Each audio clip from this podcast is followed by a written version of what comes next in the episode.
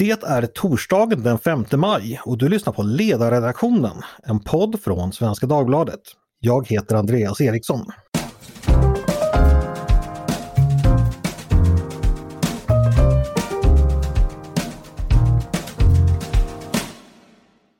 Och den 5 maj är inte vilken torsdag som helst i maj, ska ni veta. Det är också internationella kebabdagen. Ämnet ger därmed sig själv. Vi ska förstås prata kebab. Varmt välkomna förresten! Varför är det den internationella kebabdagen? Eh, det verkar inte ha några djupa rötter än andra liknande dagar. Som exempelvis första torsdagen i mars, som ni kanske har hört talas om. Det är någonting som uppfanns på Facebook för tio år sedan, så vitt jag förstår. Av detta lär vi oss två saker. Ett, vill man göra PR ska man uppfinna speciella matdagar för att det går vi journalister lätt igång på. Och två, Svenska Dagbladets ledarredaktion behöver mycket få och små ursäkter för att prata kebab. Av döma av den animerade diskussionen om sås och kött och annat som morgonmötet omedelbart förvandlades till när jag i brist på andra relevanta uppslag pitchade idén om en kebabpodd i morse. Nåväl, kebab är dagens ämne. Med mig för att prata om det har jag två gäster, nämligen Mattias Axelsson och Rickard Tellström. Välkomna hit båda två! Tack så mycket! Tack så mycket! Mattias, eh, du är lärare, poddare, föreläsare, eh, författare till boken Tacos, tvättstuga och tack för senast, Svenska vanor A till Ö. Och du kallar dig dessutom för traditionsexpert.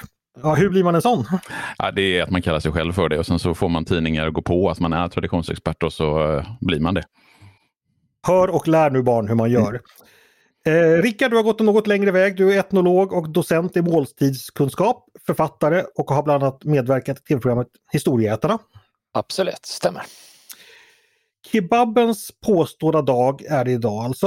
Eh, att kebab det är ett kärt och även ganska kontroversiellt ämne. Eh, det har jag vetat länge. Jag märkte det speciellt idag när jag berättade om det här avsnittet på Twitter.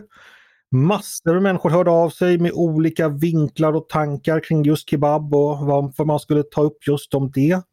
Så vi talar om någonting som folk verkligen bryr sig om. Eh, men jag tänkte vi ska börja från början. Rickard, vad vet vi om kebabens historia och framförallt dess svenska historia? Hur gick det till när rätten kom till Sverige en gång i tiden? Ja, den verkar dyka upp i sent 70-tal. Det finns sådär bra källor från 1980 i Stockholm och då är det en kebab med bröd. Och anledningen till att jag understryker detta med bröd det är att den har en äldre tradition och serveras med ris. Och det signalerar också att vi är lite mer upp på samhällsskalan. Ris är dyrbart och framförallt många olika slags kött i en sån här kebabstock signalerar också att det är i Högrestansmiljö. Det här är mat som förmodligen bara har serverats eh, när det har varit större festligheter, mycket folk helt enkelt, eftersom kebabstockarna är ganska stora. Eh, man kan väl också säga att det här är en rätt som vi inte hämtar ifrån eh, Levanten eller Mellanöstern där den först uppträder utan vår kebab i Sverige är antingen västtysk eller brittisk eller både och. Därför att den uppträder i Berlin och i England i sent 60-tal. Så jag misstänker att det är den varianten som vi har tagit till oss. Eh, Levanten är lite för exotiskt för oss att plocka in. Mm. Men, men, men tysk, tysk, kebab gick bra vid den tiden? Alltså. Ja, och det som är med den tyska kebaben också, det vi får, det är att det blir ett koncept. Vi får liksom själva ställningen som den roterar på, det är försäljningsdiskar, det är liksom ordentligt det som kommer. Den kommer liksom inte in som någon restaurangfin mat, den kommer inte in i hemmen eller någonting sånt där. Utan det är en, ja, en kioskmat direkt. Mm. En snabbmat, en street food. Mattias, överstämmer det med ungefär vad du, du har, känner till kring rätters ursprung? Ja, alltså det, det är precis som Rickard säger, att det är någonstans där på 80-talet som den, den kommer. Sen finns det ju eh, en del belägg från tidigare, bland annat så har det serverats på restaurang i Stockholm på 30-talet, men då är det ju, precis som Rickard säger, då är det inte den här kebaben i bröd vi tänker oss, utan det är ju andra typer av kebab. Eh, så eh, ett 80-talsfenomen definitivt. Mm. Jag tänker då på eh, Svea Hund, den här eh, revyn, Hasse och Tage-revyn som gick 1976 på, på Göta Lejon. Då omtalas någonting som då heter shish kebab. Eh, det är då sketchen, har ni sett den här revyn? Ja, det är den kött på spett. Kött på, kött på spett, spett precis. Mm. Vad fan, nej, shish kebab, shish kebab, vad fan är shish kebab? Shish mm. kebab är kött på spett. Ja, det är alltså en vers-sketch då. Men då talar vi alltså om den här tidigare lite finare ris och kött på spett-kebaben då. Alltså inte ja, just det. Och man kan, det man kan lägga till då med den shish kebab-spetten, att äldsta belägg vi har i Sverige på den är från 1730-talet. Oj, det går väldigt långt eh, det, är, och det är en översatt tysk kokbok, återigen en tysk länk alltså.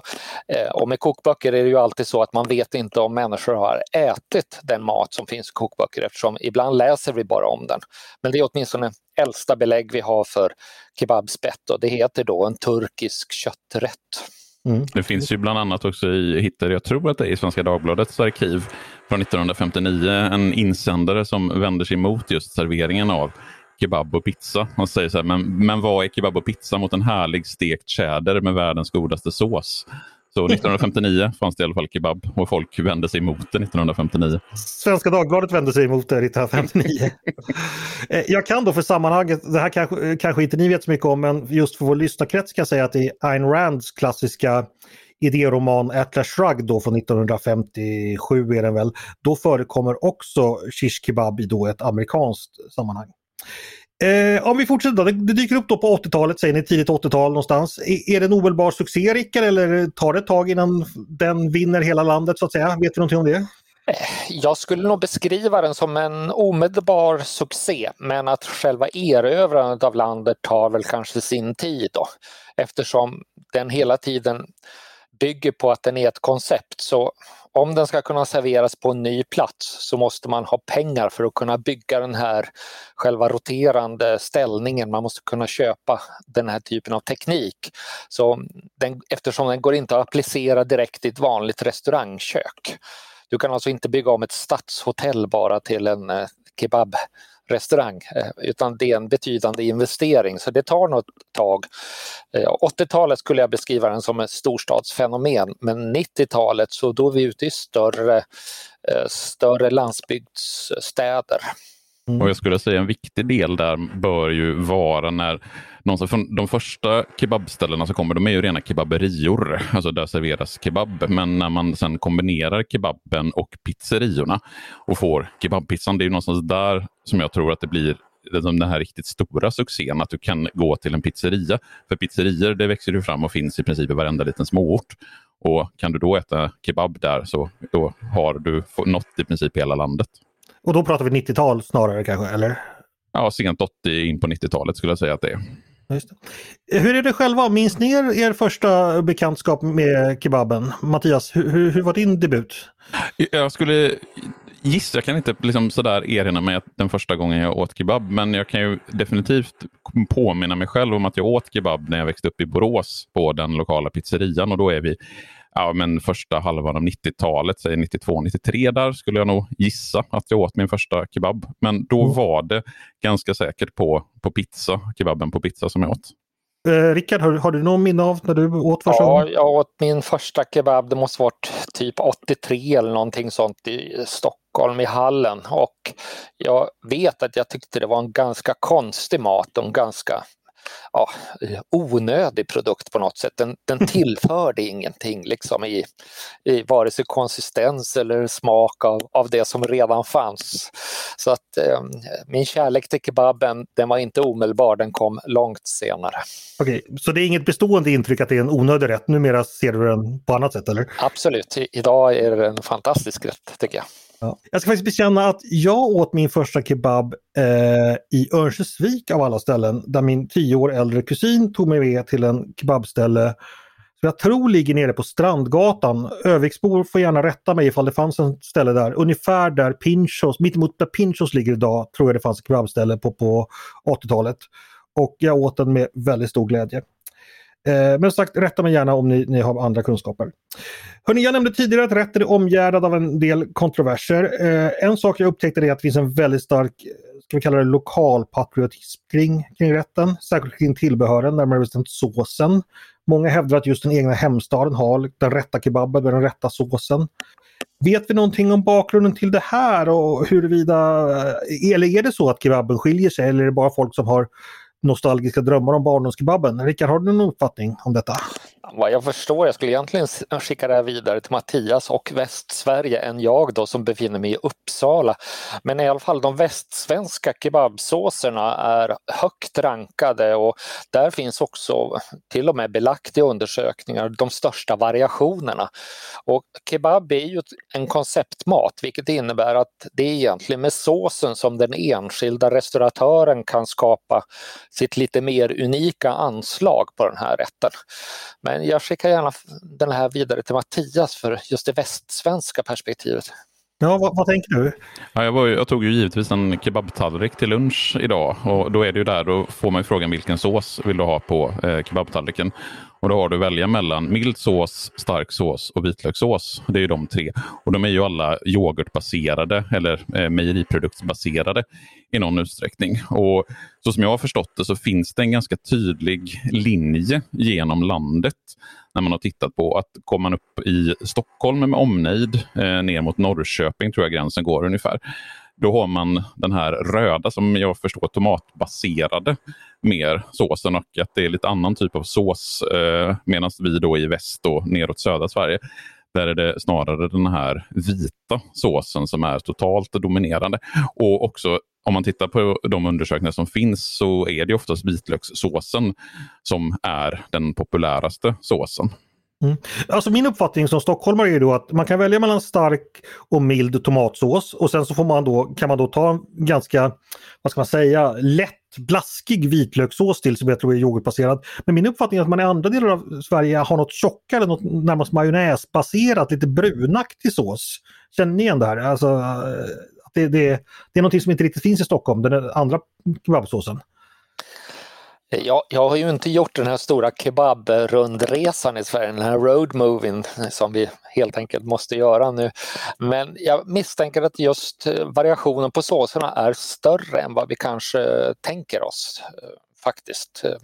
Jo, jag tänker att det finns ju, alltså historiskt så har vi haft ganska stora lokala variationer på hur man har ätit, vilken typ av mat man har ätit och det har ju varit väldigt beroende på vad man har kunnat odla och liknande. Mm. Men från alltså, säg, industrialiseringen och urbaniseringen så blev ju saker och ting mer likriktat. Men med möjligheten att kunna variera såser och liknande så finns det ju en god möjlighet att där, lite som Rickard är inne på, profilera sig just genom att ha sin egen typ av sås. Och att det mm också kan bli det här men, draget av lokalpatriotism. För jag vet ju att Jönköpingsbor de är ju helt galna i att hela tiden påpeka att i Jönköping så har vi den absolut bästa kebabsåsen. Och det finns ju på flera platser, men särskilt Jönköpingsborna verkar vara extremt nöjda med sin sås. Alltså jag tycker nästan alla personer som kommer ut från provinsen har, har upp, alltså de kan beskriva sina, små, eh, sina hemstäder som inavlade, fruktansvärda, att allt man fick stryk av raggare och nynazister varenda lördag. I skolan var man den enda som kunde läsa och så vidare. Men lik förbannat så var det liksom en fantastisk kebabsås som man mm. gärna vill återvända hem till. Eh, Mattias Svensson på Svenska Dagbladets ledarredaktion eh, och Karlskrona är ett bra exempel på detta. Eh, men okej, vi, vi accepterar det finns stora variationer i, i såsen. Men om vi ändå tar Sverige som stort, Rickard, kan man säga att det finns en specifik svensk kebabkultur eller kebabrätter som skiljer sig från den i ja, dels ursprungsområdet i, i Mellanöstern och dels andra europeiska länder? Och det är en jätte, jättesvår fråga att svara på. Jag, jag har för dålig kebaberfarenhet men det jag skulle kunna säga det är väl kanske det att symptomatiskt för vår sena streetfood och det är den från ja, 1980-90-talet och framåt, det är ju att det är ett ganska stort grönsaksinnehåll. Jättemycket isbergssallad i allting. Till exempel kan du få en tunnbrödsrulle med isbergssallad i och då frågar sig vän av ordning verkligen vad gör den där?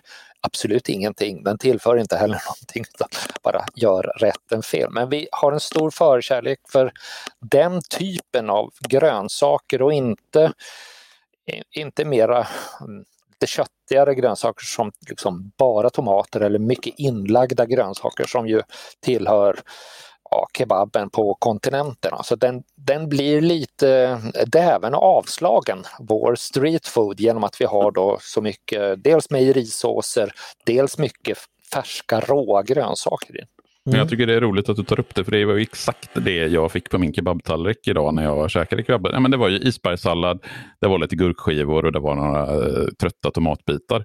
Och det är ju väldigt typiskt just det du får, både i kebabrullen, på kebabtallriken, i pitabröd, men också i vissa fall på kebabpizzan. Uh, för det finns ju varianter av kebabpizzan där du även lägger på sallad och gurka och tomat och rödlök i efter. Man eh, kör ju det tack och lov inte i ugnen utan man lägger på det efteråt. Men just kebabpizzan tror jag är lite grann av en eh, ganska, den finns ju inte bara i Sverige, men det har ju om inte annat blivit rätt mycket en symbol för det svenska sättet att äta kebab. Att vi kombinerar två olika typer av, om vi ska kalla det för invandrarmat, den pizzan då som kommer med italienarna på 40-talet och så kebaben som kommer säg på 70-80-talet och sen så slår man ihop det.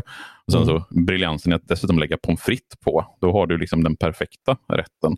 Men, men inte vi svenskar lite kända? Det finns väl ett begrepp som heter Swedish pizza, det vill säga att där vi liksom lägger vad fan som helst på våra pizzor. Alltså, eh, vilket då kan överraska och kan chockera utlänningar en aning att vi är väldigt frimodiga, inte sant, med pizzatillbehör.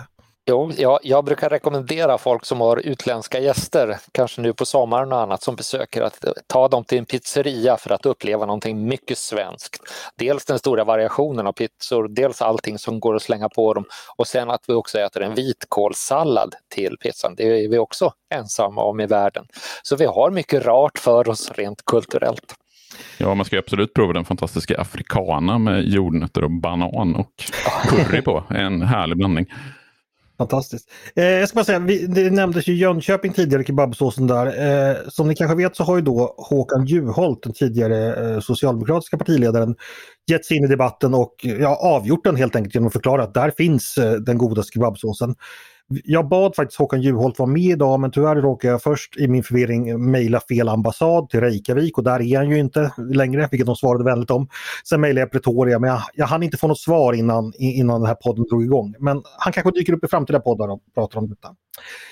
Hörrni, vi ska gå vidare och prata kebab eh, och då tänker jag då att den har ibland spelat en, ska vi säga, en kulturell eller politisk roll. Eh, rätten har ofta använts som någon slags ska vi kalla det, symbol för det mångkulturella Sverige. Att det är ett exempel på hur utländska influenser på ett lyckosamt eller tycker vissa mindre lyckosamt sätt kommer in i det svenska. Eh, Rickard, vad tänker du om det? Mat som, som eh, symbol för, för mångkulturalism, är det, är det en rimlig tanke eller hur, hur, ska man tänka kring det? Nej, jag skulle säga att generellt sett är den orimlig. Den, det är istället ett uttryck för en medelklasstanke. Och skälet till detta det är att sån här street food som kommer från olika länder, de plockas in men de som har råd att gå och äta den är inte invandrare och flyktingar och liknande därför att de är de som har minst ekonomiska möjligheter. Så det gäller alltså att paketera om den här eh, etniska maten in i ett medelklasskoncept för att få medelklassen att välja det. Därför att de här restaurangerna är ju kommersiella inrättningar och då gäller det att få så många kunder som möjligt. Eh, ett exempel på detta är ju till exempel den första pizzerian i Sverige. Inte första pizzan utan första pizzerian, alltså själva den dedikerade affären till detta.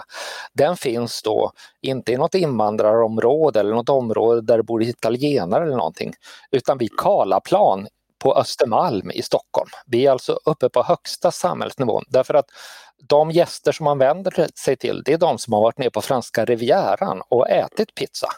Så att de ska kunna uppleva det i Sverige. Så att säga. Så att den här tanken om att eh, många invandrare och så vidare gör en etnisk mångfald av kök, den finns inte belagd på något sätt. Det går, det går inte att styrka att det går till på det sättet. Utan istället så är det det att vi plockar koncept vanligen från New York, från London, Kalifornien, eh, och så tar vi in det och så tänker vi att om vi äter sushi i Sverige så äter vi en japansk maträtt. Och det är riktigt att sushin är japansk, men inte den sushi vi äter i Sverige utan vi äter New York-sushin. Så att vi har den amerikanska varianten. Så att man kan säga att den här mångfaldsidén, det är också medelklassens idé om mångfald. Och mm. det är också då ekonomiskt paketerade koncept som vi då väljer. Och det är ju samma sak även med tacos eller pizzan och liknande. Att det är ju inte italiensk pizza vi äter som vi redan varit inne på. Den tacos vi äter den är ju inte mexikansk tacos utan det är en väldigt typisk svensk variant av tacos. Men det som jag ändå tänker på som man kan ha med när man pratar just kebab och framförallt kebabpizza och pizzerior för det hänger väldigt tydligt ihop det är ju det att även om det inte är mat som, som kanske invandrare i första hand äter, så idag på de pizzerier som finns och därmed också där det serveras kebab i småstäder så är det ju väldigt ofta just invandrare som driver de restaurangerna eh, och pizza, eller pizzeriorna. Eh, så att det på så sätt blir en symbol för någonstans det mångkulturella. Och jag tänker även på den här eh, Melodifestivallåten Kebabpizza Slivovitsa heter den va? Andra generationen som eh, gjorde någon låt för, kan det vara? 12-13 år sedan, någonting sånt där. Eh, och, och, det är ju ingen, det är ingen slump att de använder just ordet kebabpizza eh, för, för, att det, det, blir en symbol för någonting när man liksom säger kebabpizza. Man tänker på någonting när man tänker kebabpizza. Mm. Eh, en sak jag kommer att tänka på där det är ju det, eh, om ni minns det, kebabbråket i Marstrand i början på 1990-talet. Eh, känner ni till den här historien? Ja, det var någonting att de inte riktigt tyckte att det skulle passa sig med kebab. Det, det, var, det var en av Janne Josefssons första stora knäck som slog igenom att då hade det varit ett turkiskt par som hade öppnat Eh, Eh, en kebaberia på själva Marstrandsön och det blev bråk om detta och eh, det fanns väl delvis, jag vet inte exakt hur stor det var, men delvis fanns det väl en del främlingsfientlighet bakom detta för det ansågs inte passa in i skärgårdsmiljön. Och det förekom att man ja, lite krossade fönster och protester och sådär. Så att där, detta var 1993 då, vilket var samtidigt som, ja ni vet 90-talet, Lasermannen, Ny Demokrati, eh, stora flyktingvågor från, från Balkan. Och det var så vitt jag, när jag tittar bakåt, första gången liksom som kebaben kopplades in i liksom det här sammanhanget, det politiska sammanhanget kring migration, kring rasism och så vidare. Eh, jag vet inte om, om ni, ni, köper det, men, men kan inte en sån sak ha varit så att man efteråt har lätt att associera just kebab med den typen av konflikter? Eller vad, vad säger du Rickard? Alltså det är inte helt ovanligt världen omkring att ska man protestera mot ett land så gör man det med deras mat som liksom attackområde. Och mm. man attackerar också det sätt som människor äter på från det landet. Så att det här låter som ja, ett sådär typiskt exempel på hur det brukar gå till. Det finns ju ett liknande exempel och det är ju när de börjar sälja pommes frites på Lidingö i början mm. på 60-talet och där det finns en berömd löpsedel där en Lidingögreve just säger att det här inte är mat som passar sig på Lidingön. Då. Han säger faktiskt ordagrant så här, mat för lägre socialgrupper säger Lidingögreve. Detta är då Prästogrillen på Lidingö. Jag är uppväxt några kvarter därifrån och jag var inte född då när detta hände men de har ju stolt hängt upp de här löpsedlarna. De hänger fortfarande kvar på Prästogrillen där man kan se. Det, vilket, ja, men jag skulle säga att det här är ett exempel på hur man då använder för att ja, misstänkliggöra eh, invandrare, flyktingar och så vidare genom deras mat. Och det är också förklaringen till det som jag nyss pratade om. Varför tar vi inte till oss etniska gruppers mat? Jo, därför att det är riskabelt kulturellt för medelklassen att bli förknippad med mat som ja, inte stärker deras position. Det är därför den filtreras ofta via London, New York och Paris och får okej-stämpel på mm. sig därifrån. Då. Så att, eh, en, en, en klassiskt tillvägagångssätt när ny mat kommer in och att den anses vara opassande. Jag vet ju Moa Martinsson har ju in, i ett radioreportage från tidigt 60-tal eh, ondgjort sig över pizza som hon då uttalar pissa. Mm Och varför ska man äta pizza säger hon. Eh, och det är ju ett exempel på detta att, att förklena helt enkelt den andre. Mm. Väldigt intressant att du säger att vi, det är först när man gått igenom så att säga mer kosmopolitiska storstäder som London och New York som vi så att säga, själva vågar importera den hit. Vi vågar inte ta det direkt till, till Stockholm eller Göteborg eller Malmö för det, ja, den typen av... Det är alldeles för riskfyllt. Exakt. Eh, hela ens sociala position kan rubbas. Ja, men nu har du varit inne på det flera gånger Rickard, det här eh, medelklassaspekten. Eh, vad kan man säga om det idag? Finns det en klassaspekt på kebab idag eller att det finns några speciella socialgrupper eller åldrar eller är man i en specifik situation i livet när man äter kebab? Har du några tankar kring detta? Man kan väl säga att mat alltid har en klassstämpel på sig. Eh, ibland omfattas den av många samhällsklasser, eh, ibland är det få samhällsklasser kring den. Så att det är ett normalläge. Men jag skulle säga att kebaben idag, som jag tolkar det, står för, den står för en ungdomskult, en ungdomskultur. Sen står den också för mat när man är på språng mm. och sen förstås när man är ute på krogen på nätterna och vill äta någonting på hemvägen. Vilket innebär att man ägnar sig åt sådana här nattliga aktiviteter som att vara ute på krogen på nätterna. Eh, sen kan man väl säga då också att den har Alltså det, det, finns tendenser till att vi är på väg att få en fin kebab. Mm. Eh, eh, och alltså att den börjar då serveras med ris och sen har vi ju det som är avgörande också, det är ska den ätas med händerna eller ska man äta med bestick? Och då äta med händerna är ju då typiskt eh, mellansvenskt medan äta med bestick det är Skåne och Norrland som man äter kebab. Ofta på det sättet med bestick alltså. Så att, återigen har vi själva ätandet i sig som en klassmarkör. Eh, mm. vilket bordsskick ska den här infogas i? Eh, men jag tycker man kan säga ändå att den rör sig mot att det kan komma en fin kebab. Möjligen med Eh, utveckla köttsorterna, eh, mm. utveckla såserna, utveckla brödet. För det är ju idag ett pitabröd vanligen men det kommer kebabrullar och liknande. Det där är intressant för det, det, det händer ju ibland att mat gör så att säga klassresor. Exempelvis den svenska husmanskosten fick ju en revival med, med Wretman när han började liksom servera den på finkrog och idag så får man betala ganska mycket för klassiska husmansrätter på, på fina krogar. Eh, det, det, det, kan gå så att rätter ibland helt enkelt uppvärderas på det sättet. Ja, vi kan ju ta som exempel eh, hamburgaren som väldigt tydligt ja, idag går att äta på eh, de flesta bättre eh, krogar. Och det finns eh, ställen som liksom har specialiserat sig på att göra riktigt bra hamburgare med riktigt bra pommes frites. Du kan få betala 200-250 kronor för mm. en burgare. Och det är ju inte alls omöjligt att vi får exakt samma resa för kebaben. Att vi får riktigt bra kebabställen som serverar riktigt fin kebab med fina tillbehör, fina grönsaker. Man äter det med kniv och gaffel till ris.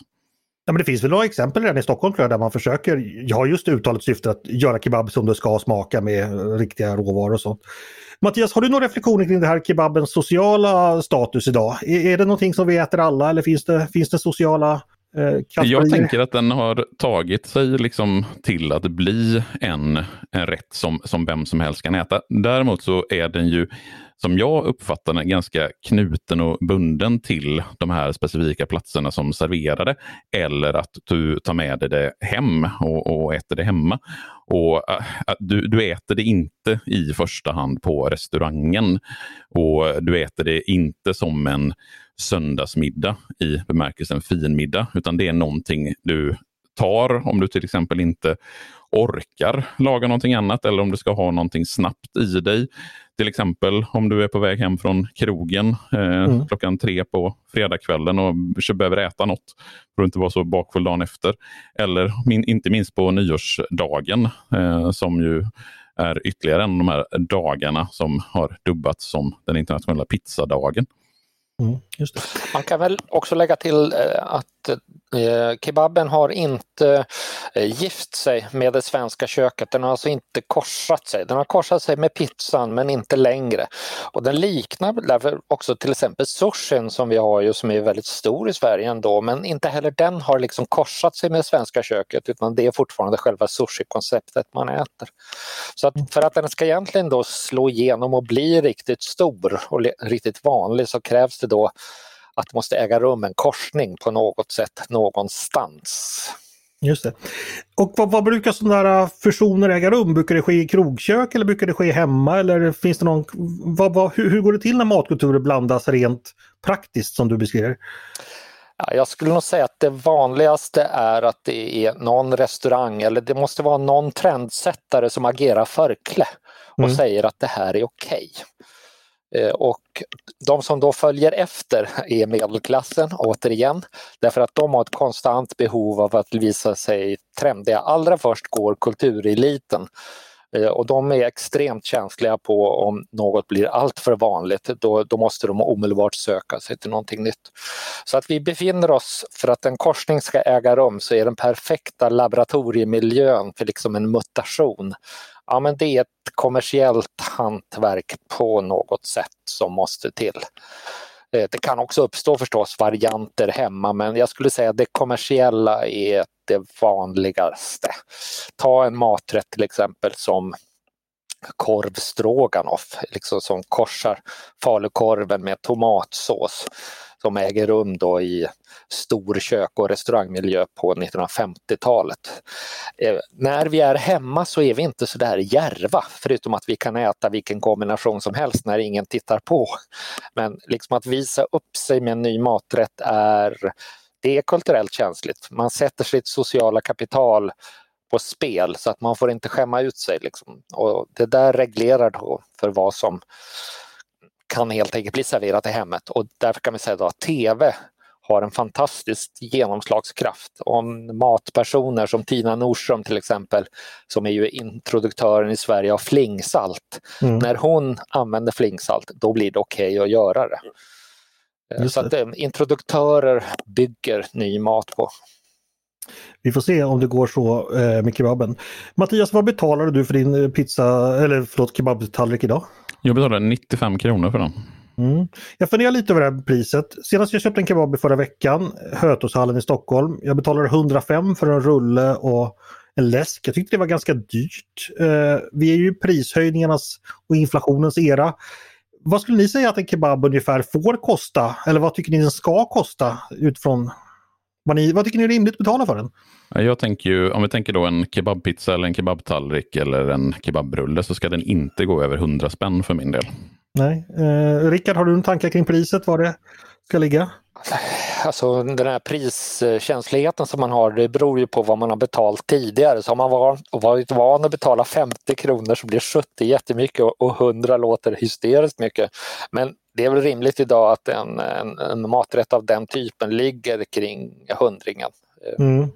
Så lite dyrare, jag vet inte vad McDonalds mil idag kostar, men de kanske kostar en 80 kronor eller sådär. Så att lite dyrare där men ändå billigare än dagens rätt på en krog någonstans. Är det, kan man inte säga så kanske? Ja, det tror jag nog. Just det. Ja, anledningen till att jag nämner det var ju att, eh, jag vet om, ni, ni bodde ju kanske inte i Stockholm då, men på 90-talet hade vi ett priskrig kring kebab i Stockholm där två bröder på varsin sida Götgatan slogs om priser och jag tror det slutade med att de var nere i antingen var det 10 spänn eller var det Ja, det är möjligt att till och med var 5 spänn ett kort tag för, för att sälja kebaber. Och det var ju stor fest för kunderna men det gick ju naturligtvis inte i längden för jag antar att de fick inte täckning för sina kostnader. Men det var i alla fall några månader det var väldigt omtalat. Har ni hört talas om den historien? Absolut, jag jobbade inte långt därifrån under den tiden. Det var en väldigt bra lunchaffär kan jag säga. Det var, det, var, det var ju det, eh, men det gick inte hur länge som helst. Hörni, eh, vi ska ta och runda av. Är det någonting annat kring liksom kebabens roll och historia som ni tycker eh, man ska lyfta fram om ni får välja? Vad, säger du Mattias? Har du något annat på lager kring kebabens?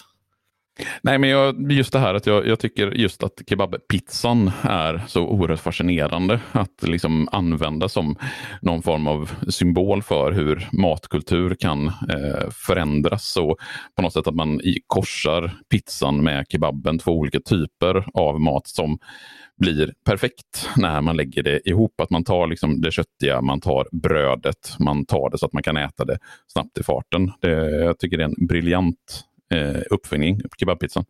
Vem har uppfinnit den? Vet man det förresten? Eh, jag vet inte. Jag får passa frågan till Rickard om han har koll på det. Nej, inte, inte hört talas om. Det är sånt här som uppstår bara apropå korsningar i laboratorier och mutationer och hur det äger rum. Eh, jag skulle säga att det, det som jag finner fascinerande med Eh, kebaben, det är att den faktiskt utnyttjar den, en av de äldsta tillagningsteknikerna vi har, det är roterande spett. Och jag är faktiskt förvånad att inte fler restauranger, alltså av europeiskt snitt eller svenska restauranger om vi kallar det för det, har liksom börjat använda spett Eh, rotisseriet eh, som en tillagningsmetod. Senast det användes liksom i stor skala är ju av Tore Wretman.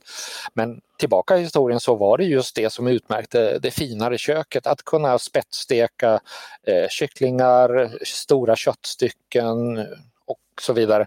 Och eh, men där har inte svenska restaurangkök i, överlag då eh, intresserat sig för den här tekniken som jag tycker är överlägsen när det gäller att steka kött. Inget är bättre än spettstekning.